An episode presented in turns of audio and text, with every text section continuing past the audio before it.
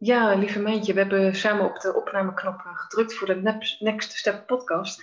En welkom allemaal weer, een nieuwe aflevering met uh, Mijntje Koopmans. Leuk dat je en, en, en, waardevol dat je wilt bijdragen, ook met, met jouw verhaal.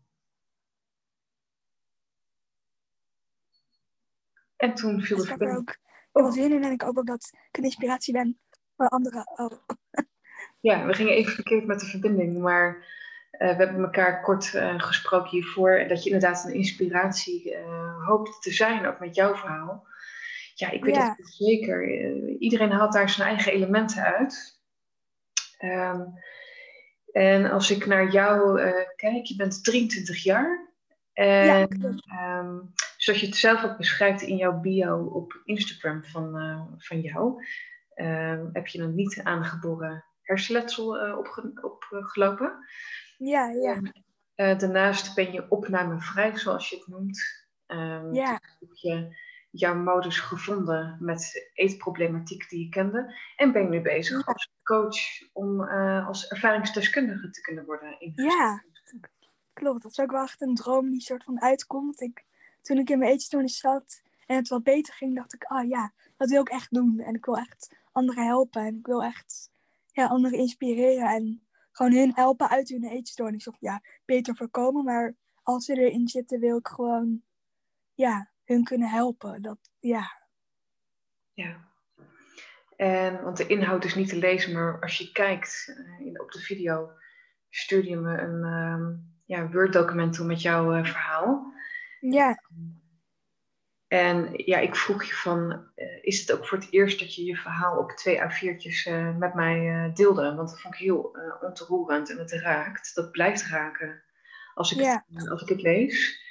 Maar dat je ook zelf aangaf dat het een soort van schrijfopdracht ook was, hè? om beknopt je verhaal te beschrijven. Hoe was dat voor jou, dat proces? Um, ja, ik hou dus heel erg van schrijven en ik schrijf ook heel veel gedichten en daarin ben ik wel heel uitgebreid en heel. Ik schrijf vaak over dingen die ik meemaak. Maar toen, dat, toen moest je dus in twee A4'tjes de belangrijkste aspecten van je verhaal schrijven. Toen dacht ik eerst wel even van, oh nee, hoe ga ik dat doen? Maar toen ging ik gewoon zitten met muziek op en ik dacht, ik schrijf gewoon helemaal verhaal op. En dan doe ik met zo'n mankeerstift van, oké, wat is het belangrijkste? Wat is echt essentieel? En toen ben ik het zo in gaan korten tot, ja, tot mijn verhaal eigenlijk. Ja. Wat deed dat voor jou? Het hielp ook wel om weer een beetje inzicht te krijgen van, oh ja, zo is het gegaan. Of, oh ja, dat heb ik meegemaakt. Of, oh ja, zo ben ik eruit gekomen. Ook dat vooral, dat ik dacht, als ik drie jaar terugkijk, denk ik, nou, dat was echt niet de planning dat ik er nu zo positief en hersteld bij zou zitten eigenlijk. Ja. ja. Als we kort naar jouw achtergrond met eetproblematiek uh, kunnen kijken. Uh, en wellicht een breder palet wat daaromheen ook hing. Um, ik hoor ook regelmatig van mijn gasten dat bijvoorbeeld ook een depressie meespeelde of andere facetten. Wat was dat voor jou? Um, ja, het begon eigenlijk uh, ja, vanaf mijn geboorte. Ik heb dan, ben te vroeg geboren en ik heb dan twee jaar lang zondevoeding uh, gekregen, zeg maar. Dus ik merk bijvoorbeeld nu, ik merkte wel in de rest van mijn leven van, oh, ik lust wat minder en structuur in eten vind ik lastig. Maar ja, ik had ook wel heel veel tegenslagen en werd heel erg gepest. En deed ook topsport judo. En ik vond dat super leuk. Maar daar is wel gewicht echt een ding. En afvallen. En dus ja, dat was niet echt aan mij besteed, zeg maar. Het was niet een hele goede combi achteraf als ik daar nu op terugkijk. Maar ja, ik trainde acht, negen keer in de week. Dus het was echt mijn leven, zeg maar. En op een gegeven moment dacht ik toch wel van... Raakte ik dus in een depressie. En door alles wat er gebeurde. En toen dacht ik op een gegeven moment, oh, dit kan ik wel goed, hier ben ik wel goed in, hier kan ik ja, wel controle over houden. En ging steeds verder en verder, maar ja, dat er ook andere diagnoses waren, ook nog een burn-out en uh, eh, PTSS, kon ik het wel goed verbergen. En als iemand zei, oh, je bent afgevallen, oh, is vast voor de judo. Of als ik niet, niet snoepte, dan zeiden ze, oh, ja, je, moet, uh, je doet aan topsport, hè, dus dan moet je wel gezond eten. Dus mensen hadden het niet echt door dat ik eigenlijk heel ver aan het gaan was. Dus ik hoor ook aan je, lieve meisje, dat judo iets was waar je goed in was. En waar je ja, ja. eigenlijk jouw doel in dat moment vond. Ja, klopt. Wat je ook vertelt hè, met, met jouw niet aangeboren hersenletsel. Je was tien weken te vroeg geboren, hè? Ja, klopt. En ja, dat, dat effect ervan, dat was er altijd wel. Maar eigenlijk nu, eh, op dit moment, dat je er meer bewust van bent ooit, hè? Wat eigenlijk de impact daarvan ook is, hè? Ja, ja. Eerst, eerst heb is het niet echt, ja, ik kreeg wel toen een MRI-scan en zo, maar het was, ja, ik was nog zo jong dat ze ook nog niet echt de gevolgen konden zien. En ja, omdat ik toen opgenomen zat, uh, zei ze, als zullen we eens een psychologisch onderzoek doen om te kijken ook wat je sterke en zwakkere punten zijn en waarin je dingen kan leren of waarin je juist heel goed bent. En dan moest je allemaal van die testjes doen van die blokjes of cijfers achter elkaar opnoemen, bijvoorbeeld dat soort dingen. En toen kreeg ik die uitslag. En van één kant was het niet echt een verrassing, want ik herkende het wel heel erg. Ik merkte bijvoorbeeld altijd dat ik heel slecht was in de weg vinden of dat ik uh, niet zo lenig ben of best wel een beetje onhandig. Um, dus dat merkte ik allemaal wel. Maar nu ik er meer bewust van ben, kan ik het ook juist weer, kan ik het wel beter doseren. En kan ik wel echt prioriteiten stellen van oké, ik wil bijvoorbeeld naar de kermis, maar oké, wat moet ik daarvoor doen? Ja. Dan moet ik wel de rest van de dag rustig aandoen, maar dan weet ik wel van, nou, dan heb ik wel een leuke avond. En dat vergeet ik dan ook niet zo snel. Dan denk ik, oh ja, ik ga naar de kermis en maak ik altijd met vriendinnen leuke foto's of filmpjes of zo. Dus dan weet ik wel, oh, ik moet het wel incasseren of zo. Maar dan, ja, ik wil ook niet het hele, mijn hele leven op bed liggen. Dus ik probeer wel leuke dingen te doen. En met corona is het natuurlijk wel lastiger, maar spreek met vriendinnen af en dan gaan we iets bakken, lekker taart bakken of zo. En we gaan film kijken of uh, ja. Dus ik vind wel, uh, wat ik wel belangrijk vind is dat ik niet het hersenletsel ben, omdat ik gewoon een meisje ben alleen die iets heeft. Maar ja, ik heb ook geleerd in de kliniek van ja, je bent niet die diagnose, maar je blijft altijd dezelfde persoon. En ja, dat vind ik wel heel belangrijk om ook wel over te brengen van ja, je bent meer dan dat, zeg maar. Ja, en als je dan kijkt ook naar, de, naar die diagnose van uh, niet aangeboren hersenletsel, hoe lang is dat terug dat je, dat je die diagnose kreeg? Of dat je meer inzicht daarop kreeg? Hoe lang is dat geleden? Um, vorig jaar, hmm, vorig jaar mei, mei, april denk ik dat die uitslag van het onderzoek al was. Maar ja, ik wist wel van altijd, ik heb bijvoorbeeld toen de, in de kleuterklas had ik wel fysio bijvoorbeeld. En met de gymmeester was ik al altijd oefeningetjes aan doen. Dat soort dingen. Dus daar, dat was er wel altijd. En ik had bijvoorbeeld ook logopedie en dat soort dingen. Maar ja, toen ik ouder werd, had ik, kon ik het wel. Ja, had ik wel met gym of zo dat ik merkte, oh, dat kan ik niet. Of daar ben ik niet goed in. Maar op een gegeven moment dacht ik ook van ja. Niemand is goed in alles. Dus ja, het hoeft niet perfect of zo. En ja, ja ik dacht meer van okay, wat kan ik wel goed? daar probeer ik dan wel naar te kijken van, nou, ik kan goed schrijven. Ik ben nu aan het dansen bijvoorbeeld, vind ik heel leuk. Um, ik vind zingen heel leuk, dat kan ik niet. Maar ik vind het wel gewoon heel leuk om te doen. En ik uh, vind het heel leuk om dingen in te richten of uh, te shoppen en zo. Denk ik van, ja, er zijn ook genoeg dingen die ik wel goed kan. Waar ik, ja. Dus dan denk ik, ja, hetgeen wat, niet, wat ik niet goed kan, ja, dat hoeft niet de, ja, het hoofddoel te zijn, zeg maar. Het hoeft niet de boventoon te voeren. Je wil ik wil juist kijken naar dingen die ik wel kan, zeg maar. Dus ja. ja. Ik geef je terug naar een aantal facetten die je ook zo, uh, zo mooi beschrijft, uh, Mijntje. Want kijk, het is dus vanuit die niet aangeboren hersenletsel dat, dat het vooral motorisch is. Maar ook die prikkels, hè, dat je daar extra goed ja. bent. Waardoor je ook die kermis als voorbeeld pakt van ja, ik moet daar toch rekening mee houden. Maar het is de balans ook zien te, te behouden met ja, niet uh, de rest van mijn leven op bed willen liggen. Maar ook leuke activiteiten willen ondernemen. Want je vindt ook een heleboel ja. leuk. Dus dat, is, klopt. dat is een zoekproces. Ja. Uh, en ik kan me voorstellen dat heel veel inzicht en toch iets meer rust misschien heeft gegeven. Omdat je nu wel beter weet dat wat het, dat wat het precies is. Meer bewust. Ja, klopt ook wel. Ik, ik had bijvoorbeeld, dan merkte ik bijvoorbeeld van, ah, ik onthoud dingen minder goed. En dan dacht ik altijd, oh, waar komt het nou vandaan? En ligt het nou mezelf, dat ik moe ben, of is wat anders? En nu ik weet van, oh, ik onthoud dingen wat minder goed, of mensen moeten iets vaker uitleggen, dan kan ik dat ook aangeven aan mensen. Van, oh, ik heb daar wat meer moeite mee. Dus op school bijvoorbeeld, of met de dansen, zeg ik dan van, oh, kan ik nog een keer voordoen of zo? En dan, ja, dan snappen mensen ook hoe het komt. Dus dan kunnen ze er ook wel, ja, hebben ze er ook wel minder een oordeel over. Want ik had wel echt op school toen dus mensen nog niet wisten van, oh, let nou eens op of zo. En dat ik dacht, ja, weet je wel, nu, nu zeggen mensen van, oh, ik snap het wel. Of, uh, ja. oh ja, weet je wel, dus dat is wel fijn dat mensen nu ook weten, ervan weten dat ze er ook wel beter, niet alleen ik, maar dat ook mensen er meer van snappen en beter mee om kunnen gaan. En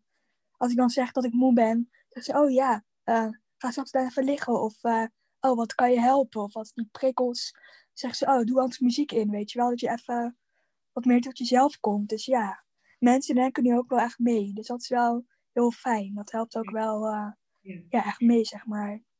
Want is dat ook een van de oorzaken geweest waardoor je werd gepest? Want dat is ook een veel terughorend fenomeen hoor. Het pestgedrag op scholen, wat, wat mede een mm. oorzaak is, wat leidt tot e-problematiek.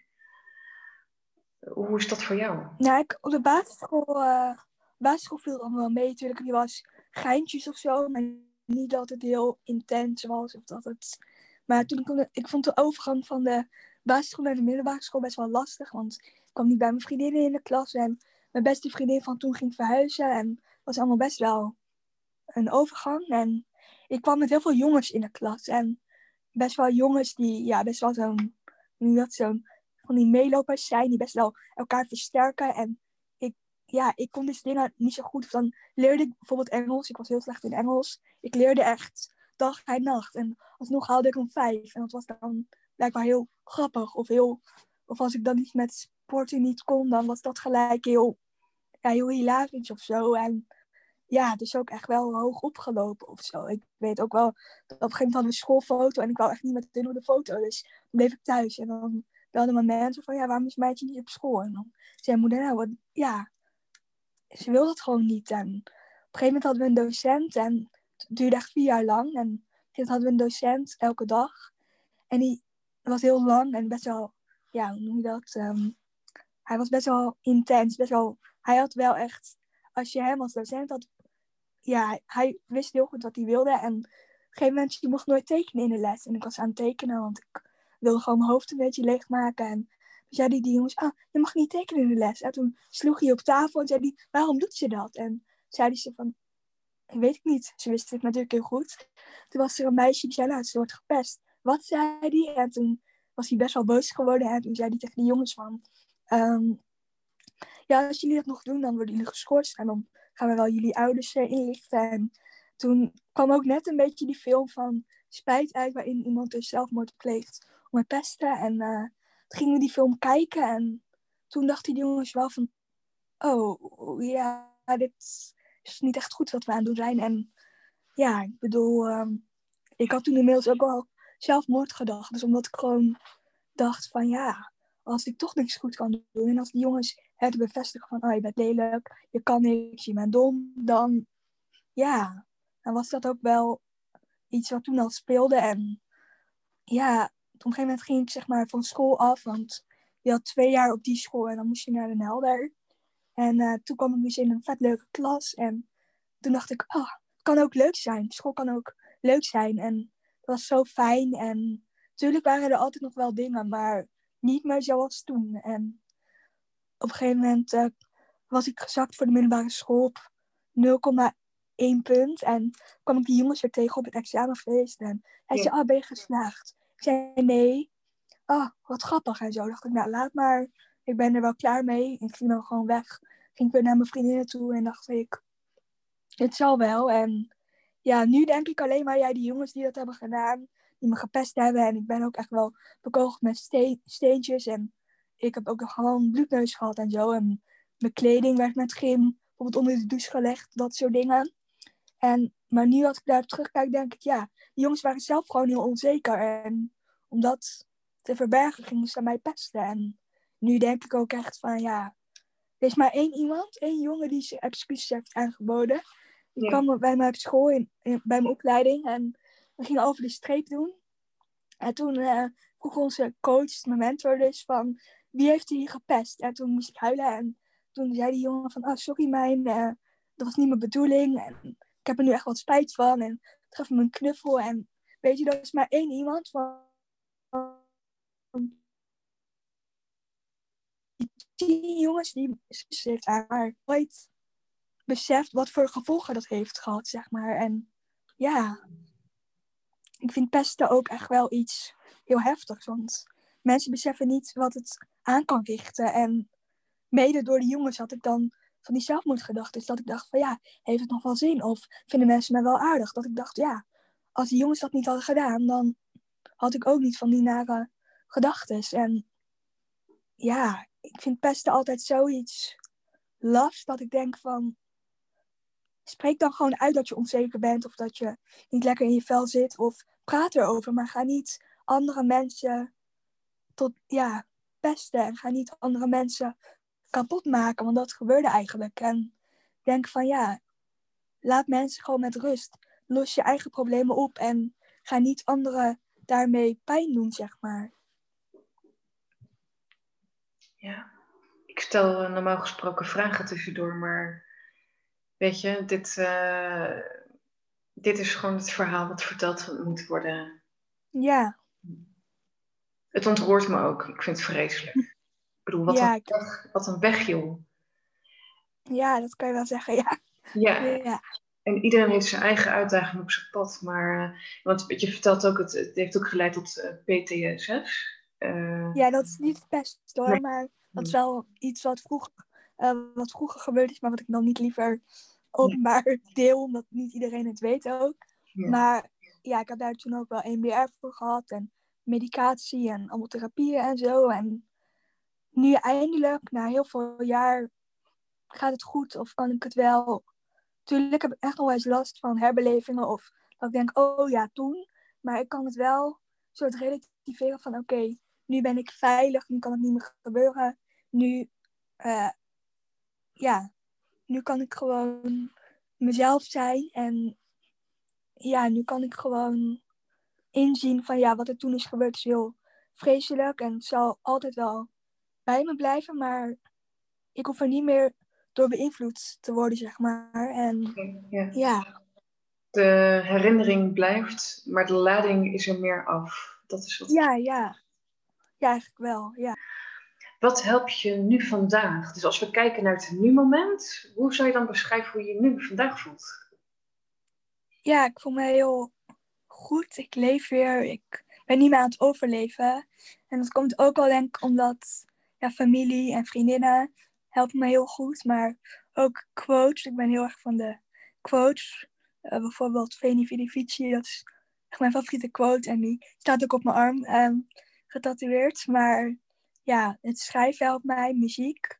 Maar ook gewoon je omringen met mensen die je goed doen en dingen doen die je leuk vindt. Ik vind shoppen bijvoorbeeld heel leuk, of schrijven, of muziek luisteren of zo. En ja, ik heb ook een hele lieve kat die gewoon, ja, oh. wat me ook gewoon helpt. Want ja, als ik me dan even zo'n momentje heb, dan komt hij altijd bij me liggen en dan, ja, het is gewoon heel fijn of zo. Maar ja, ik hou ook wel heel veel uit gewoon uit de dingen die mijn moeder ja, heeft gezegd, zeg maar, voordat ze overleed. En ik geloof echt in dat ze nog bij me is en dat ze me helpt en dat ze me steunt. En ik ga vaak naar het strand, want ik hou gewoon heel erg van het strand, oh, van de zee. En, en de rust, woon echt vijf minuten van het strand. Dat is echt heerlijk. En dan zoek ik vaak veertjes. Dan heb ik een soort van, oh, het is een teken van mama of zo. En dan ga ik daar iets leuks mee knutselen of zo. Ach, prachtig, ja. En um, ja, het helpt me ook gewoon heel erg om dus ja, de positieve dingen op te zoeken. En niet alleen maar te kijken naar wat gaat er niet goed of wat kan ik niet. Of ja. Dat soort dingen, maar ook te kijken van oh, wat kan ik wel en waar ben ik wel goed in. En je daarop te focussen, dat is echt wel, denk ik, heel belangrijk. En ook wel, ik denk ook wel dat het belangrijk is om gewoon goed dingen te verwerken en om ja, ook goed als je therapie hebt om daar echt voor te gaan. Want ik dacht dus ook van ja, ik heb er geen zin in. Maar als ik nu terugkijk, denk ik ja, het was wel nodig. En het heeft me zo geholpen om bijvoorbeeld met de psycholoog te praten of dat soort dingen. Het is gewoon belangrijk dat je gewoon meewerkt aan de behandeling of meewerkt aan therapie. Want daardoor leer je jezelf ook zoveel beter kennen of zo. Ik ontdekte dingen waarvan ik dacht, oh, dat wist ik helemaal niet over mezelf. Of oh, hier ben ik dus goed in. Of dat kan ik goed. Of ja, je moet gewoon, denk ik, geloven in jezelf. Dat vind ik ook heel belangrijk. En Weet je, ik ook zo'n Oké. prachtig punt, eh Mijntje, wat ik nu zie. Voor de mensen die de video kijken en niet de podcast luisteren, zie ik het woordje hoop boven je hoofd. eh. ja, wat, wat- ja. waarom sta, is dat hier, waar ben je nu? Is dit op jouw kamer of woonkamer? Of, eh, Oh ja, het eh, zit op mijn muur geplakt. Maar ehm, Wat staat er? dat learn, live, hope. Ja. Wat is Ja. dat voor jou? ja, hoop is voor mij wel iets heel moois en iets heel Omdat je altijd hoop moet houden. En ik ben het echt vaak genoeg verloren. Maar als ik nu op terugkijk, denk ik van ja. Als ik bijvoorbeeld bedenk wat ik heel graag wil. Ik, wil heel, ik ben heel druk aan het sparen voor mijn eigen huisje. Ik wil later heel graag kindjes. Ik wil werken. Ik wil nog wel ehm, een keer op vakantie. Ik eh, wil die ervaringsdeskundige ja, ervaringsdeskundige worden. Dus het helpt ook denk ik heel erg goed om in je herstel doelen te stellen en om daar ook voor te gaan. En ook als mensen zeggen van ja, het kan je niet, of daar ben je niet goed in, het gewoon doen. En gewoon denken van ja, ik wil dat, dus ik ga het doen. En wat iedereen er ook van vindt van ja, doe het gewoon en volg Ja. gewoon je hart en doe wat ja, je hart je ingeeft. Want En wat brengt het jou? eigenlijk. Ja, wat brengt, Ja, wat brengt het jou als je een doel hebt, Mijntje? Wat, wat, wat is dat? Ja, het geeft me heel veel positiviteit en heel veel geluk. Maar het geeft ook een soort van, ja, zo- zo'n verliefd gevoel of zo. Zo'n gevoel van, ja, een gevoel van hoop en een gevoel van, ja, van liefde en van kracht of zo. Ik voel me dan, als ik echt aan het doel aan het werk ben, voel ik me echt heel sterk. En voel ik me heel bijzonder en mooi en krachtig. En zoals met die cursus, dat ik dat aan het doen ben. denk ik van, ja, ik doe het wel en ik kan het gewoon en ik ben hier goed in en Ja.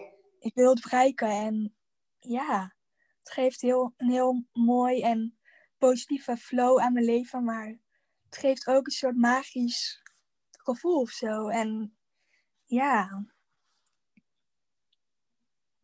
ja, Ja. dat een beetje. Het, eh, ja. En als je dan ook ziet hoe jij dan aan jouw doel eh, werkt, hè? daar kunnen we ook Ja. van, eh, van leren. Hoe, hoe ga jij te werk? Dus, dus wat, ik, wat, wat ik heel erg bij je zie, is dat je in beelden denkt. Hè? Dat je beelden Ja, klopt wel. Ja, ik ehm, maak ook wel vaak een soort motivatiebord of een moodboard. En dan met doelen of zo, of met quotes of met liedjes of zo. En dan bijvoorbeeld, eh, of een bucketlist of zo. Maar dan maak ik bijvoorbeeld een, een plaatje van, oh, ik wil op mezelf wonen. Oké, wat heb ik daarvoor nodig? Ehm, wat wil ik? Ik ben heel erg van het beelddenken, dus, dus ik heb al helemaal bedacht hoe ik mijn huis wil inrichten. Maar ja, dan denk ik wel van, oké, wat is daarvoor nodig? Ik probeer wel heel erg te denken van, ik wil iets, maar wat moet ik daarvoor doen? Wat is mijn doel? En ja, hoe, hoe ga ik te werk of zo? Ik hou heel erg van plannen, dus dat helpt me ook heel erg. Gewoon te denken, oké, ik wil dit. Hoe ga ik dat doen? Waar ga ik dat doen? Wanneer? En gewoon, let's go of zo. Gewoon, Ja. ja, laten doen of zo, ja. Maar wat ik ook door de regels heen hoor, is het houdt je ook op de benen. Misschien letterlijk zelfs, als je een doel hebt. Want als je geen doel meer Ja. hebt, hoe zou dan je leven zijn als je geen doelen kent?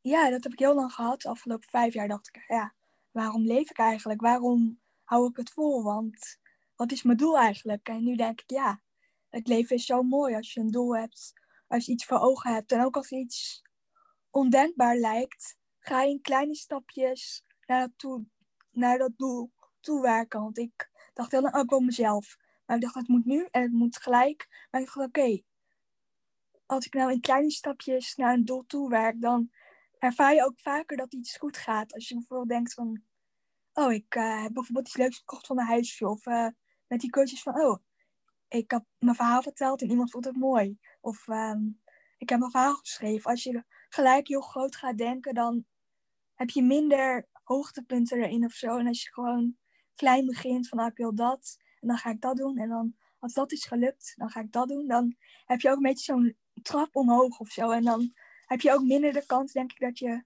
ja, naar beneden valt. Van, oh, het lukt me niet. Ik ben daar niet goed in. Of zit tegen of zo. En als je gewoon gelooft dat je echt iets kan, dan ja, komt het altijd wel goed. Hoe, ehm, hoe zet jij dat naar je hand? Uh, want ik vind het heel herkenbaar wat je vertelt over doelen. Ik gun altijd iedereen een doel. Dat gun ik iedereen. Dat je een doel yeah. überhaupt kent. En ehm, als je dan zegt dat je erin gelooft, is het ook een, een soort van state die je voor jezelf creëert om te geloven in iets? Of is het iets wat in je opborrelt en er gewoon, en er gewoon is en eruit vlamt? Hoe werkt dat bij jou? Mm. Nou, als ik bijvoorbeeld denk aan mijn kinderwens, dan weet ik nog dat ik in mijn opname zat en dat de diëtist tegen me zei: Wat is iets wat je heel graag wilt en waarvoor je wil herstellen? En ik wist gelijk: Oh, dat is mijn kinderwens voor de toekomst. Maar ja, daarvoor moet ik eerst ongesteld worden en weer mijn lichaam normaal werken, zeg maar. Maar nu vind ik bijvoorbeeld, als dan iemand zwanger is en dan ga ik een kraamcadeautje kopen, dan kan ik daar echt heel erg van genieten. Of ik vind babynamen bedenken heel leuk. Dan denk ik, oh, ik weer een leuke naam, dat schrijf ik dan op. En dan hou ik gewoon een soort van ja, dagboekje bij van, nou, ik heb vandaag uh, die babynaam gevonden, of ik vind dat leuk. Of dan, en ik vind werken met kinderen ook heel leuk. Dus ik probeer eigenlijk door dingen te doen die met mijn doel te maken hebben, om dat dan een beetje stap voor stap ja, te creëren, zeg maar. En ja. ja prachtig. Hoe je dat uh, uh, ook organiseert is wat bij me opkomt. Eigenlijk organiseer je het voor jezelf om je stappen voorwaarts te blijven zetten. Om het mooi te zien. Ja. Ja, natuurlijk heb ik echt nog wel momenten dat ik even denk van... Oh, dit tegen of zo. Maar dan probeer ik het wel gelijk te relativeren van... Oké, het gaat even vandaag even niet, maar morgen is weer een dag of zo. En ja, ik denk dat de hoofdwoorden van herstel ook echt wel zijn tijd, hoop en relativeren. Als je die dingen hebt, dan kan je echt wel herstellen. Ik bedoel, er zijn heel veel mensen die zeggen, oh, je kan niet herstellen van anorexia. Het zal altijd wel Maar dan denk ik van ja, als je het zelf echt graag wilt, dan kan het gewoon. En natuurlijk zal het altijd wel een heel klein onderdeel van mijn leven blijven. Maar ik weet wel goed wat mijn valkuilen zijn of waar ik op moet letten. Bijvoorbeeld, uh, als er iets met mijn kat zou gebeuren, zou ik wel van denken, oh ja, ik moet wel goed blijven eten. Of uh, weet je wel zo. Maar ik weet nu heel goed van, het kan gewoon. En ook als je op de, niet verder kan zakken dan dat je, dat je op je diepste punt zit, dan kan je alleen maar omhoog. Dus ja, ja je moet gewoon altijd erin blijven geloven. Ook, ja, Wat is uh, nog iets wat je mee wilt geven aan de, de, mensen? Ja, dat je gewoon goed voor je lichaam moet zorgen. En dat je lichaam iets heel moois is en iets heel bijzonders. Want het beschermt je en het houdt je op de been. Het geeft liefde, het geeft warmte. Ja, en daar heb ik een gedicht over geschreven. En die zou ik graag willen voorlezen. Hij heet, hij heet ook Lief Lichaam. Lief Lichaam, sorry dat ik je uitgehongerd heb. Sorry dat je er bijna niet meer was. Sorry dat je je kleur verloor. Sorry dat bloedvaten jouw make-up werden. Sorry dat je blauwe plekken kreeg. Sorry voor de botten die je pijn deden. Sorry voor het flauwvallen op de grond. Sorry voor het haten van jou. Sorry voor het verliezen van de kilo's. Sorry voor het verslinden van je spieren. Sorry dat ik je verrotschold. En sorry dat je zo moest vechten. Lief lichaam, dank je voor je vertrouwen. Lief lichaam, dank je voor je hoop. Lief lichaam, dank je voor extra vel. Lief lichaam, dank je voor de warmte. Lief lichaam, dank je voor mijn mooie huid. Lief lichaam, dank je voor mijn glanzende haar. Lief lichaam, dank je voor mijn stralende ogen. Lief lichaam, dank je voor het blijven staan. Lief lichaam, dank je voor het leven. Lief lichaam, dank je voor alle liefde. Lief lichaam, dank je voor het bestaan. Lief lichaam, dank je voor alle kracht. Lief lichaam, dank je voor alle voeding. Lief lichaam, dank je voor de vele kansen. Lief lichaam, dank je voor herstel. Oh. Applausje. Over een mooie, goede intentie, positieve intentie die je kunt inzetten. Dankjewel. Alsjeblieft. Bedankt voor je openheid, lieve Mandje. Graag gedaan. Ik hoop dat ik er andere mensen mee kan helpen. En ja, dat ze iets aan hebben. Ja, lieve mensen, een shout-out voor Mijntje. Like, volg, deel, laat je reactie achter, laat het ons weten. En um, nou, graag tot de volgende aflevering ook weer.